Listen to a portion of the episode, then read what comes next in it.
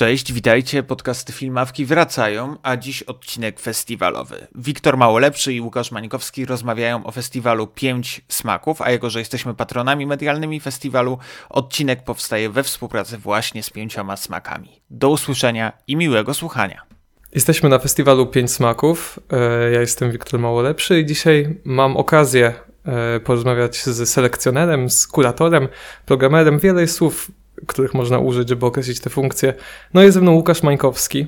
E, cześć, cześć, cześć wszystkim. I pomyśleliśmy, że spotkamy się, żeby porozmawiać trochę na temat programu, ale też na temat samej roli, samej funkcji mm, selekcjonera programowego.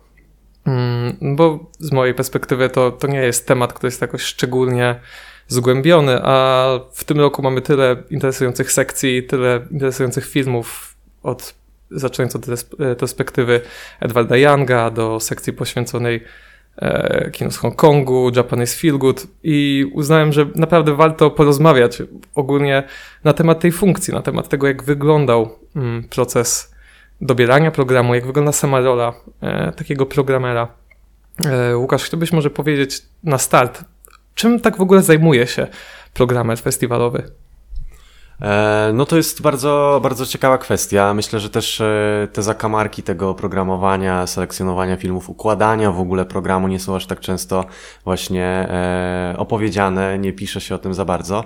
A mam wrażenie, że to jest też taka rola, o której trochę aspirujący krytycy, czy w ogóle ludzie zajmujący się pisaniem o kinie, prędzej czy później e, chcą się tym zajmować, albo w ogóle marzą o tym. W moim przypadku to było w ogóle e, coś, o czym bardzo długo marzyłem, właśnie, że chciałbym to robić i chciałbym właśnie to robić w takim połączeniu albo z kinem eksperymentalnym, albo z kinem azjatyckim.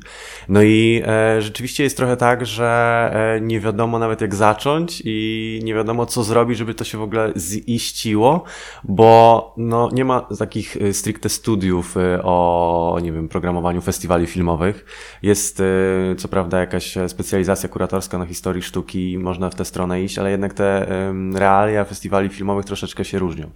No i e, na czym to w zasadzie polega? Jest to z jednej strony e, pozycja o jakiejś takiej e, władzy, bo jednak mamy ten wybór, możemy, możemy decydować o tym, co zostanie wybrane i tak dalej, ale jest to też pozycja, która wiąże się z takim rodzajem tak zwanego gatekeepingu, czyli trzymamy tak naprawdę pieczę nad tym, co zostanie gdzieś pokazane. I ten gatekeeping w takim właśnie w nomenklaturze medioznawczej, on funkcjonuje od bardzo dawna jako właśnie coś z jednej strony właśnie związanego z jakimś wpływem i władzą, a z drugiej strony jako coś y, no, związanego z jakimś takim nawet kolonialnym aspektem. Właśnie jednak jest jedna osoba, która decyduje, co zostanie e, później pokazane. I ten gatekeeping był też bardzo istotny w kinie azjatyckim w ogóle, bo e, byli tacy krytycy po, pokroju e, Tonego Rainsa i, i, wielu jeszcze innych. Darcy Packet jest taką postacią z kolei z kinem koreańskim związaną.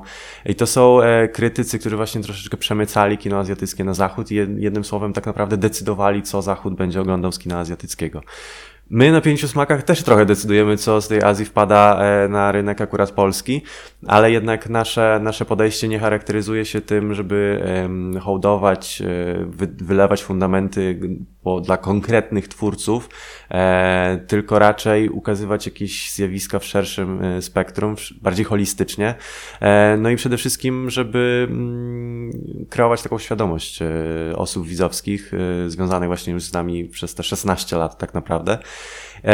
No i tym takim przydługim wstępem mogę teraz przejść, czym, tak jak, jak, co tak naprawdę robimy jako, jako programerzy. Jest nas e, tak naprawdę cztery osób w zespole, które się tym programowaniem zajmują. Każdy ma trochę swój e, scope, swoją taką strefę komfortu. Ja się zajmuję głównie Japonią, ale też e, i stąd właśnie ta sekcja Japan Feel Good, którą się w tym roku opiekowałem, którą kuratorowałem właśnie z takim szczególnym uwzględnieniem. Ale tak naprawdę każda z tych sekcji mimo wszystko powstawała w procesie dość kolektywnym. W szczególności sekcja Nowe Kino Azji. Jest to stricte sekcja właśnie nasza konkursowa, e, jedyna sekcja konkursowa, do której też co roku zapraszamy międzynarodowe już teraz jury. Wcześniej było e, związane, e, były to osoby związane z kinem, kinofilem, młodzi pasjonaci kina, ale nie tylko młodzi, więc to też jest ciekawe, że właśnie mieliśmy grupkę właśnie związaną z pasjonat, właśnie grupkę pasjonatów kina, którzy wybierali ten swój ulubiony film. No i właśnie mamy też retrospektywę Edwarda Younga w tym roku, która też jest raczej sekcją kuratorowaną kolektywnie. No i pośród tego wszystkiego wybieramy właśnie te filmy na przestrzeni tak naprawdę czasami roku, czasami dwóch lat. Niektóre filmy chcemy, wiemy, że chcemy już wcześniej, ale e, nie możemy ich jakoś na przykład pozyskać, więc ten proces już trwa tak naprawdę od, e, już teraz tak naprawdę planujemy kolejną edycję jakoś pomiędzy jakimiś tam e, w jakichś krótkich mgnieniach czasu wolnego po prostu staramy się też coś formować na przyszły rok, ale jeśli chodzi właśnie o, o samą, sam proces przygotowawczy, no to to jest bardzo długi, kolektywny mimo wszystko proces, e, no i związany z oglądaniem filmów, czytaniem o nich, researchowaniem, jeżdżeniem na festiwale albo oglądanie filmów e, poprzez festiwale online. Pandemia też dużo zweryfikowała pod tym względem, e, ale tak to w dużej mierze wygląda. No właśnie, ciekawie określiłeś tę rolę programera, że to jest trochę gatekeeper. Ja to bardziej tak widziałem w roli może trendsettera czasami. Rok temu dzięki tej sekcji Wonga tak naprawdę no, chciałem, chciałbym powiedzieć Polska, ale no bardziej nasza trochę filmowa bańka była rozpalona wokół e, Wong Kar Myślę, że w tym roku podobnie się dzieje, albo może się stanie z Edwardem Youngiem. Natomiast wspomniałeś o, o właśnie, o tym jeżdżeniu po festiwalach, no i chciałem o to też zagaić. E, czy wasz, wasza rola to jest bardziej faktycznie, wiem, że ty jeździsz do Wenecji, do Cannes, jeżdżenie po tych festiwalach, oglądanie filmów, zaklepywanie tych filmów na festiwal, czy może czasami zgłaszają się do was twórcy z filmami i potem wy je bierzecie do mm, konkursu? Jak to wygląda? Wiesz co, to jest trochę tak, że y, obie te, te rzeczy się dzieją tak naprawdę. Rzeczywiście jeździmy na festiwale, aczkolwiek nie jesteśmy festiwalem, który aż tak bardzo celuje w te największe hity festiwalowe, Cannes czy Wenecja, bo te filmy prędzej czy później trafiają jakoś do Polski, czy to za sprawą innych festiwali, czy w ogóle w, w ramach dystrybucji, więc trochę nam zależy na takich filmach, które wiemy, że jednak nie trafią do tej Polski i to nie jest tak, że nie celujemy też w te duże tytuły, bo czasami się zdarza, że rzeczywiście zależy nam na jakichś konkretnych tytułach, bo wiemy, że jest to coś, co będzie nam pasować do wizji festiwalu, do jakiegoś konkretnego zakresu, czy, czy coś takiego. E, ale zdarza się też, że tak, rzeczywiście, że to filmowcy do nas e, wysyłają swoje filmy, szczególnie jeśli to są na przykład już e, ci, którzy już styczne, mieli jakąś styczność i zetknęli się z, z naszym festiwalem. Często jest tak, że producenci e, podsyłają nam te filmy, bo dobrze wspominają e, właśnie festiwal.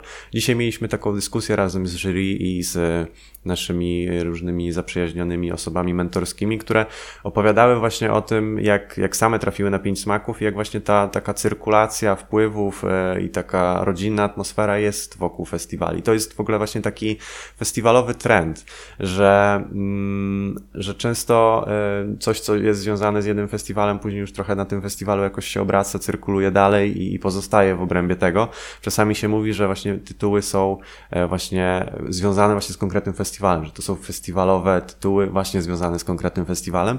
E, są festiwalowi konkretni twórcy z konkretnych festiwali e, i tak działa na, na, na, całym świecie, czy to w Cannes, czy w Wenecji są po prostu jakby ulubieńcy danych festiwali. Jednym z naszych takich ulubieńców jest zdecydowanie Nawapol, z którym zresztą też przeprowadziłeś świetny wywiad i, i to jest też właśnie coś takiego, że nawet jeżeli, no nie wiem, ten film nam aż tak bardzo się nie będzie podobał, to wiemy, że i tak chcemy go pokazać, e, bo jest to taki twórca, z którym e, zbudowaliśmy jakąś już relację, którego zawsze zapraszamy. E, I mimo, że za szybcy zaczuli są cudowne na swój wyjątkowy sposób, zupełnie jako inny film niż dotychczasowe osiągnięcia Nawapala, no to tak czy siak wiedzieliśmy, że, że będziemy go chcieli. I, I to jest też taka fajna relacja, że e, no, producenci czekają właśnie na naszą reakcję, na nasz odzew, że to nie jest tak, że w międzyczasie ten, ten film zostanie zaklepany przez inny festiwal. Po prostu już wyrobiliśmy sobie taką po prostu relację z, i z producentami, i z samym Nawapolem, że on chciałby po prostu pokazać ekskluzywnie dla nas ten, ten film, mimo że już na przykład może mieć jakieś podpisane umowy na streaming w przyszłości. Więc jakby to jest, to jest coś, co się wyrabia też przez lata, dlatego ciągłość festiwali jest niezwykle ważna. E, dlatego festiwale zawsze starają się, żeby się odbywały, nawet jeżeli są jakieś kryzysy i tak dalej. E, bo po prostu y, to uformowanie się w postaci tego fundamentu przeszłości i historii festiwalu jest y, takim no, niezaprzeczalnym atutem e, danej imprezy. Zdarza się też tak, że y, zgłaszają się do nas filmowcy zupełnie, zupełnie obcy dla nas. E, to jest tak zwanego open calla, czyli otwartego po prostu takiego, otwartej formy, e, można powiedzieć, rekrutacji, e, jeśli chodzi o nasz program. No i czasami te takie filmy po prostu do nas wpadają, my je oglądamy. Czasami stwierdzamy, że zupełnie nam nie pasują, bo są na przykład takimi dość amatorskimi debiutami, a czasami zaskakujemy się zupełnie. Takim filmem było kiedyś Repossession, singapurski film. Przyjechali też zresztą goście z Singapuru, którzy przez następne dwa lata tak naprawdę non-stop wstawiali w social mediach, jak bardzo dobrze wspominają festiwal. Byli totalnie zajarani tym, co się tutaj działo, jaka była atmosfera, kontaktem z widzami i takie relacje też są dla nas niezwykle ważne. I też na przykład taki film w tym roku Leonor, Niech żyje Leonora, Leonora Will Never Die, to film, który miał swoją premierę w Sundance, a był wyprodukowany e, przez Monster Jimenez, która z kolei była producentką e, Dziecka Apokalipsy, które wygrało w 2000 15 roku czy 16, 16 roku. E, I też to był film, który wtedy dystrybuowaliśmy już później e, w kinach. No i e, też ciekawa sytuacja, bo o ten film ubiegały się jakieś inne imprezy, ale nawet to nie jest aż tak istotne.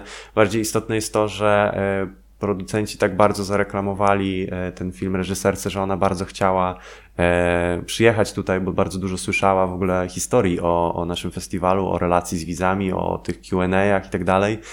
E, i, i właśnie ze względu na przeszłość dziecka apokalipsy i e, sama uczestniczyła w, tak naprawdę w jakichś rozmowach e, w, w, sytuacji pozyskiwania już praw i to jest ciekawe właśnie jak, jak te zażyłości, które się gdzieś formują i, i te utrzymywanie relacji są, są tak naprawdę nieodłączną częścią bycia programerem i programerką tak naprawdę.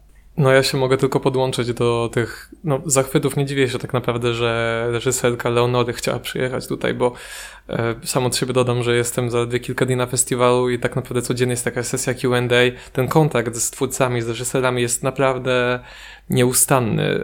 E, na korytarzach można z nimi porozmawiać. Twórcy chętnie też sami rozmawiają o swoich filmach. E, widziałem przed chwilą, byłem na, na filmie e, Moje Słodkie Trunki i po filmie reżyserka sobie robiła po prostu zdjęcia z ludźmi i chętnie z nimi rozmawiała. To było coś naprawdę sympatycznego.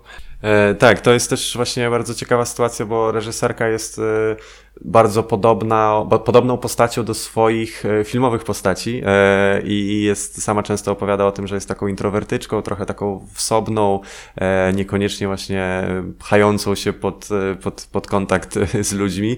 I to o tym też zresztą wspominała na Q&A, ale, ale właśnie ta inkluzywność jest bardzo istotnym aspektem, do którego w ogóle dążymy, że inkluzywność na, na, od takiej właśnie płaszczyzny właśnie gości, kontaktu osób właśnie goszczących u nas z z, naszą widownią, ale także inkluzywność na, na płaszczyźnie językowej, że na przykład zależy nam na tym, żeby móc wprowadzać naszą widownię jakimś takim w miarę y, otwartym, prostym językiem, który trafi tam, gdzie ma trafić.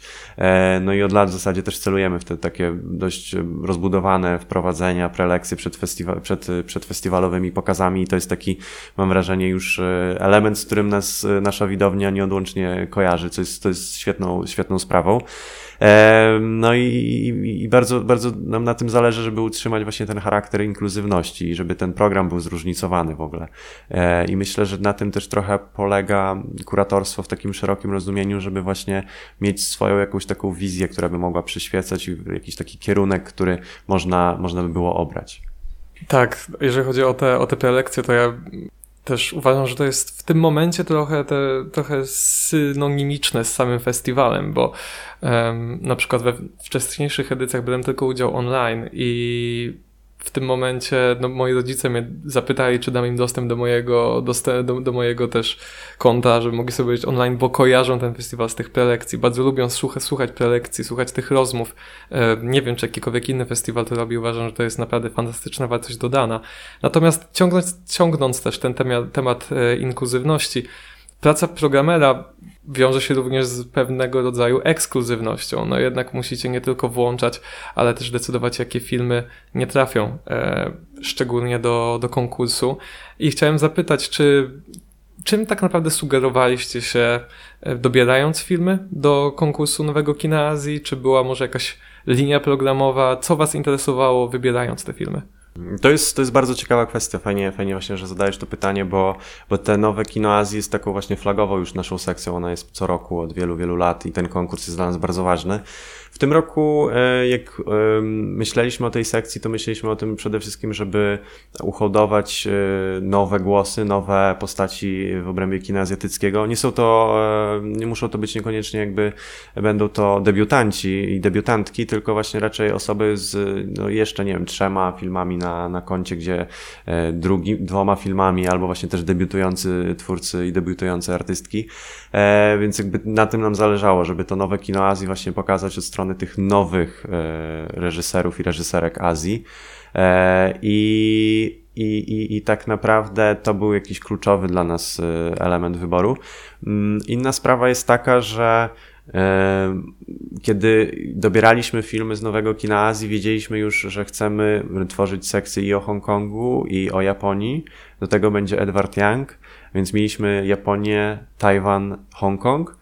E, i chcieliśmy zbalansować tak naprawdę spojrzenie na Azję poprzez dobieranie filmów konkursowych, które właśnie nie, nie byłyby na przykład głównie z Japonii, Tajwanu i Hongkongu, e, zamknąć się w maksymalnie liczbie jednej, jednego filmu z, na dany kraj w tym konkursie, żeby właśnie też na przykład taka Japonia nie zdominowała e, konkursu, bo oczywiście to jest, to jest kraj, w którym powstają setki filmów rocznie i, i pewnie byśmy dobrali spokojnie jeszcze ze dwa czy trzy takie, które by nam do naszej wizji konkursu pasowały. Japonia to często dla nas oznacza mm, jakieś obcowanie z klęską urodzaju. E, a z drugiej strony też właśnie celujemy w to, żeby nie e, pokazywać filmów, które na przykład e, są podobne do czegoś, co już pokazywaliśmy, żeby właśnie różnicować nasz program na zasadzie właśnie jakichś tematycznych obszarów, żeby właśnie poruszać się też na poruszać się też na właśnie jakichś takich płaszczyznach e, innych kontekstów. E, często są to historie, które opowiadają o jakichś właśnie lokalnych wątkach, ale na przykładzie Korei Południowej muszę przyznać, że to był dla nas na przykład chyba największy problem w tym roku, żeby dobrać e, filmy, czy to do konkursu, czy w ogóle do. Ostatecznie są tylko dwa filmy. Jeden jest w konkursie, jeden jest Asian Cineramie bo no to jest y, ciekawy bardzo przypadek. Y, mnóstwo filmów, świetnej jakości filmów, często powielających podobne tematy i często mamy wrażenie, że te filmy nie za wiele wnoszą już tak naprawdę i, i te komercyjne kino koreańskie jest e, naprawdę e, wyrafinowane, jest naprawdę bardzo dobre, e, ale no, często mamy wrażenie, że nic po nim nie zostaje, w sensie ile możemy też blockbusterów tak naprawdę pokazać. Te filmy są coraz droższe ze względu na to, że jest boom na Koreę, jest popularność, więc to też jest jakąś dla nas barierą coraz większą. No i i do, do tego dochodzi Netflix, który wykupuje prawa do filmów i też e, są one na przykład niedostępne na online, który, który też nam by jednak mimo wszystko zależało. E, więc Korea była dla nas e, ciężką przeprawą. Ostatecznie zdecydowaliśmy się na moim zdaniem świetny wybór. Film debiutującego reżysera, którego pokazujemy tak naprawdę film dyplomowy. Dostał e, on zresztą nagrodę na festiwalu w Busan e, od Fipreszci, e, więc krytycy bardzo docenili, a dodatkowo jest to film gatunkowy. Thriller, który Marcin Krasnowolski fajnie ujmuje w to, że straszy najlepiej od czasów lamentu. E, więc e, jest to, jest to bardzo ciekawy moim zdaniem wybór akurat właśnie na, na, na, na postawienie na taki film z Korei Południowej, bo no nieczęsto pojawia się w, u nas w, w programie film dyplomowy w konkursie.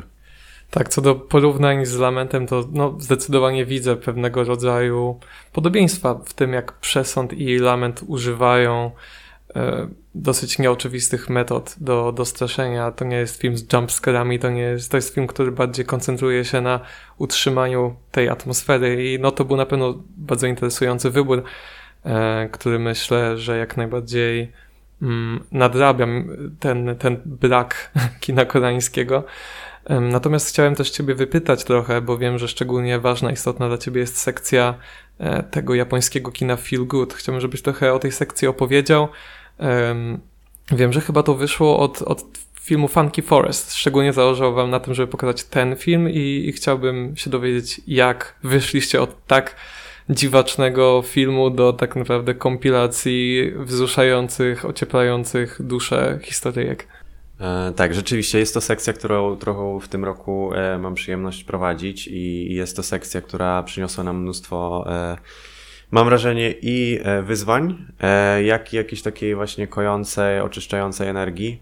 E, przede wszystkim zależało nam na sekcji, która nieco by wniosła jakiegoś takiego oddechu, jakiejś takiej właśnie przestrzeni, żeby się zanurzyć w czymś właśnie takim kojącym, żeby troszeczkę uciec od, od tych no, strasznych rzeczy, które przez cały rok się, się nakumulowały w nas, mnóstwo, mnóstwo ciężkich doświadczeń i czuliśmy też, że, mm, że nasza widownia także potrzebuje prostu takiego czegoś.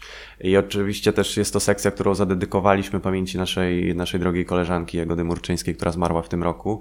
E, chcieliśmy trochę patrzeć właśnie na tę Japonię poprzez takie wartości, które Jagoda właśnie odnajdywała w pisaniu i w mówieniu o kinie, które, takie wartości, które właśnie dominowały w jej spojrzeniu. I to trochę wyszło też tak e, i celowo, i przypadkiem jednocześnie, no bo w pewnym momencie, jak zabraliśmy te filmy już w całość, to zauważyliśmy, że rzeczywiście one są trochę o tym, o czym właśnie Jagoda często pisała, o jakiejś prowincjonalności, o spojrzeniu właśnie na takie spokojne, ale dobre życie z dala od y, wielkomiejskiego, tokijskiego zgiełku na przykład. E, więc y, to są e, te kwestie, które gdzieś tam jakoś nagromadziły się w, w pewnym momencie i zauważyliśmy, że o, to jest rzeczywiście coś dla nas też bardzo ważnego, że, że tak ta sekcja wygląda. I rzeczywiście zaczęło się od Funky Forest, filmu, który jest y, taką właśnie absurdalną, surrealistyczną, ale taką komedią, która już doczekała się ogromnego kultu na całym świecie. E, jest też komedią, która bardzo mocno zrywa ze stereotypami japońskiego, może inaczej. To jest y, komedia, która igra ze stereotypami wokół właśnie jakiejś takiej e, dziwności japońskiej, która często dominowała w takiej soczewce też egzotyzującej ten kraj.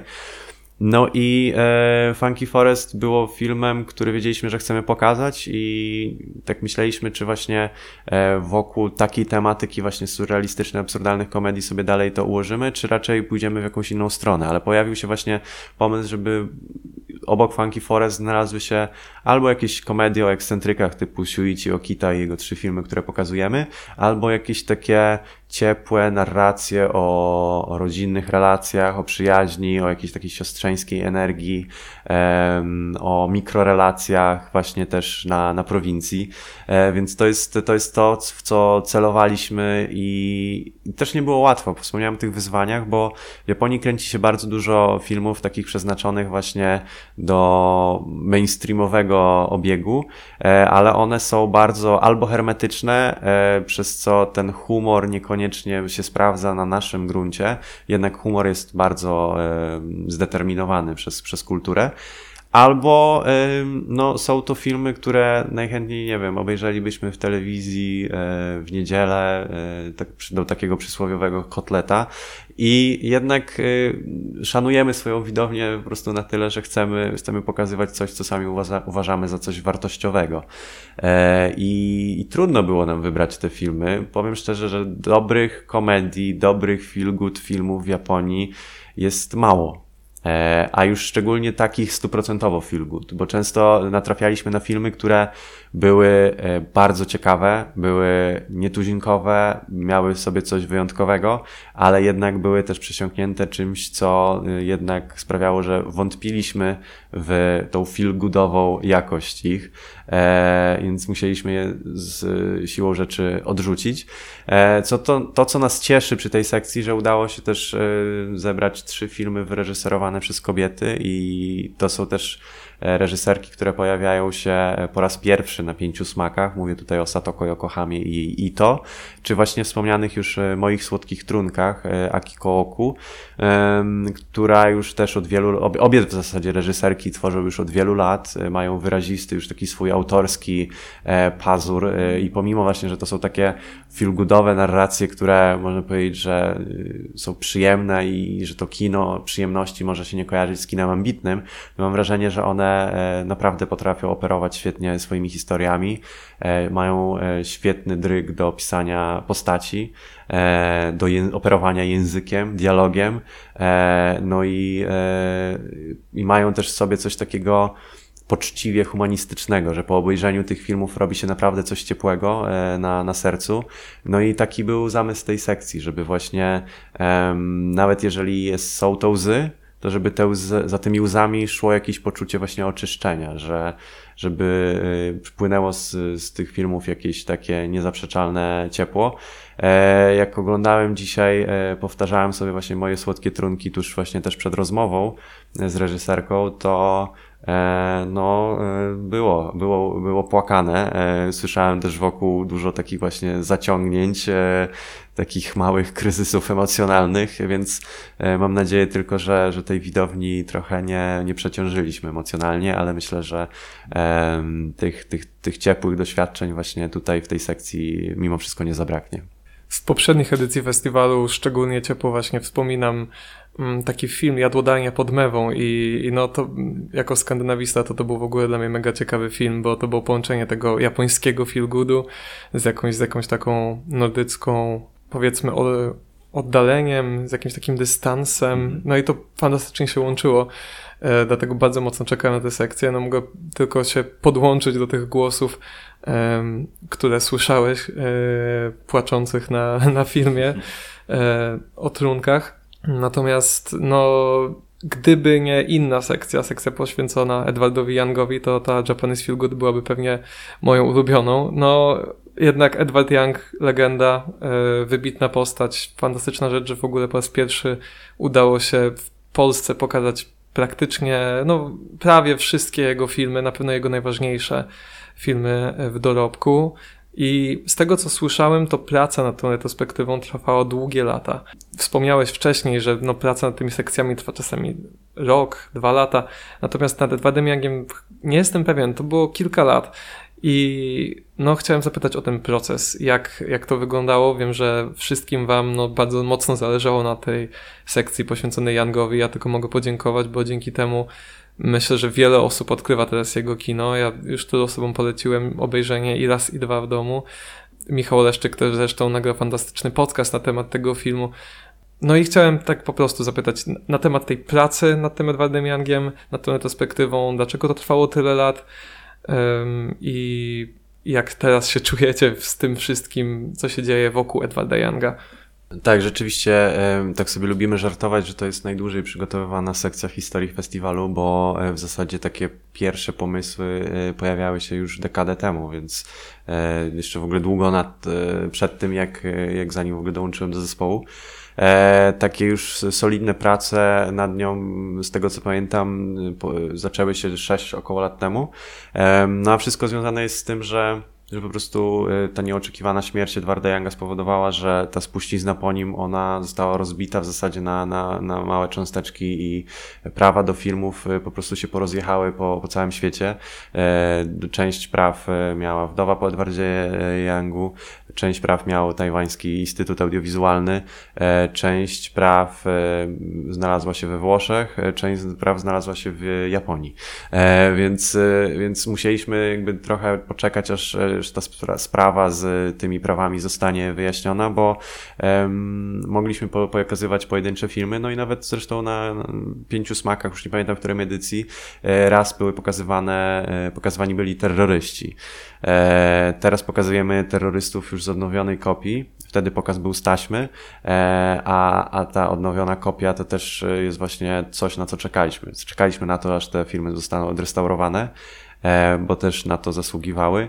E, zasługiwały także dlatego, że jest to powód idealny, żeby przedstawić twórczość Edwarda Younga w jakiejś właśnie należytej jakości, szczególnie jeśli mowa o takich filmach jak Konfucjańska Konsternacja, który przeleżał w zasadzie e, w archiwach, był przez długi czas w ogóle nieoglądalny, a ta kopia, która cyrkulowała była naprawdę też kiepskiej jakości, przez to ten film gorzej się oglądało. Ja go oglądałem pierwszy raz właśnie ze słabej jakości, a ta, która już pojawiła się w Wenecji po raz pierwszy, odrestaurowana, no zachwyca po prostu ten film też końcu jest właśnie rezonujący na takiej, w takiej skali, w jakiej powinien rezonować od samego początku. Więc to wszystko właśnie długo tak się zbierało właśnie ze względu na te prawa do filmów i na te kopie. No i, i powiem Ci szczerze, że ja przed konfucjańską konsternacją, czyli w zasadzie do tego roku, nie oglądałem Edwarda Younga w kinie wcześniej. E, I, I to było coś, co przed festiwalem totalnie mnie jarało, że jest szansa obejrzeć Edwarda Younga w kinie i nawet mi się to udaje pomiędzy jakimiś seansami gdzieś do skoku wskoczyć, e, nawet nie na całość czasami, ale żeby wskoczyć po prostu w te filmy. E, jeden film, Historię z Taipei oglądałem na stojąco, bo była pełna sala i nie dało się już zająć nawet miejsca, a się spóźniłem na ten seans troszeczkę. Więc no, jak widać to oddanie Edwardowi Youngowi jest bardzo duże. No i, to też bardzo nas cieszy, bo nie wiedzieliśmy, jaka będzie e, reakcja i jaka będzie recepcja jego filmów. Wong jest, y, wiesz, no jest idealnym jakby produktem do sprzedawania. Neony, melancholia, taka poetyka, ci aktorzy, to są postaci już na tyle rozpoznawalne, że tego nawet nie trzeba reklamować. Edward Young no jednak te filmy są dość wyrafinowane. To jest taki już raczej górnolotny arthouse, wyższa półka operowania e, poetyką slow cinema, a jednocześnie coś tam jest takiego specyficznego w tych filmach na zasadzie takiej, że niby są to gatunkowe filmy, ale nie do końca. Jeżeli to melodramat, to raczej jako antymelodramat. Coś jak e, Antonioni, do którego zachodni krytycy porównywali bardzo często, ale Young nie za bardzo przepadał za tymi porównaniami. Ale mimo wszystko e, jest w tym coś kojącego, że te sale są wypełnione, e, że ten twórca rzeczywiście dotyka mocno naszą widownię, że, że jest hype uzasadniony, moim zdaniem.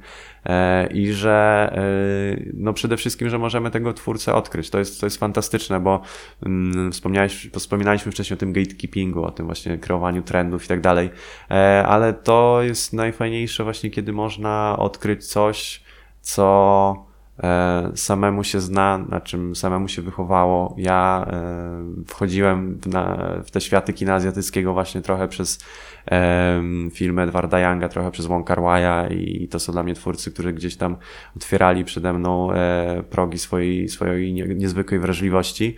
E, I tak jak po latach nieco krytycznie już spoglądam na, na Wong Kar z różnych względów, tak e, w Edwardzie Youngu mam wrażenie, że teraz na nowo się tak zakochałem, tak totalnie bezkrytycznie. I chciałbym, żeby ta miłość też pozostała jak najdłużej, bo mm, myślę, że jego filmy są też niezwykle aktualne, być może nawet jeszcze bardziej aktualne niż były kiedyś. W takim znaczeniu, że ten modernizujący się Taipei lat 80. czy 90., e, czy z historii z Taipei, czy z terrorystów, czy wspomnianej już też konfucjańskiej konsternacji, czy ten już trochę nowszy Taipei z y, Irasi 2, one mam wrażenie, że, że te obrazy y, są może bardziej przyswajalne niż kiedyś. W takim znaczeniu, że, że może jak te filmy wychodziły, były dość problematyczne do, do zrozumienia, do przyswojenia i tak dalej. Teraz mam wrażenie, że chyba wszyscy trochę dorośliśmy do, do takiej też poetyki, do tego języku, albo po prostu rzeczywistość sprawdziła, rzeczywistość sprawiła, że my tego Edwarda Younga zaczęliśmy bardzo potrzebować. I to jest dla mnie super ciekawe z takiego też względu, że e, ja sam mam tak, że początkowo lubiłem te wczesne, bardziej niepokorne filmy Edwarda Younga, że bardziej lubiłem właśnie jego poetykę właśnie taką z pazurem, bardziej eksperymentalną, awangardową. A po czasie e, niezwykle doceniłem też Irasi 2 czy Let, Jasny Dzień Lata. I, i te filmy E, bardziej e, humanistyczne, bardziej epickie, bardziej stonowane, takie jakby już Yang trochę przepracował tego swojego gniewu wobec e, Tajpej, Tajwanu i złożonej tożsamości Tajwańczyków.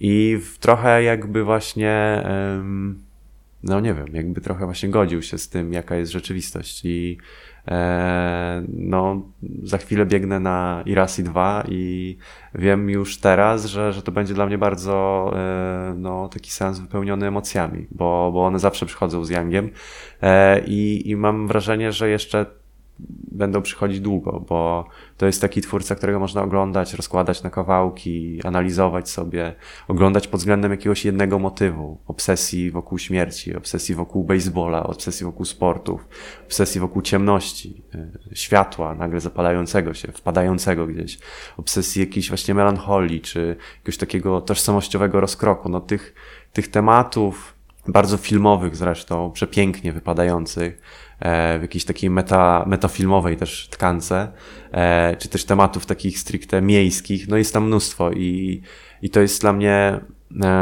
no coś fascynującego, jak, jak, y, jak można do znudzenia, które ostatecznie też nie przychodzi, e, właśnie rozkładać tę twórczość po prostu na, na, na kawałki i przyglądać się jej. No fantastyczny twórca, jakby co więcej mogę powiedzieć. Jesteśmy super szczęśliwi, że ta retrospektywa w końcu nam się udała i, i myślę, że to był też odpowiedni krok, żeby po Wong wprowadzić właśnie Edwarda Younga. E, no bo to są tacy twórcy, którzy jak nie, jeśli nie wychowali e, mnóstwo, mnóstwo osób, które jawi się jako pokolenie kinofili, to wychowało też mnóstwo filmowców, którzy e, w tym nowym kinie Azji na przykład wielokrotnie się odwołują do Edwarda Younga właśnie.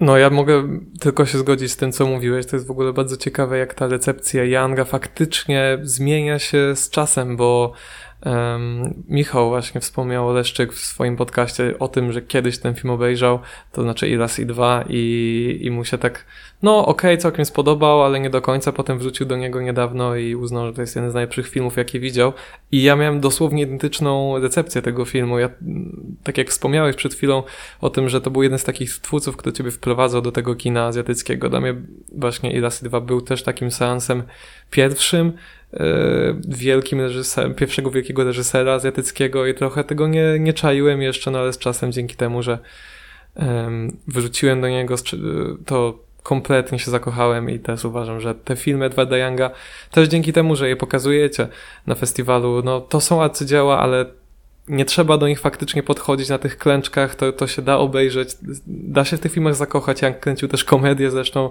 jak ta konfucjańska konsternacja, i no, co więcej dodać, jest to naprawdę wybitny twórca i e, myślę, że wiele osób jest bardzo wdzięcznych Wam za po prostu pokazywanie tych rzeczy, za to, że zdobyliście w tych fantastycznych też kopiach.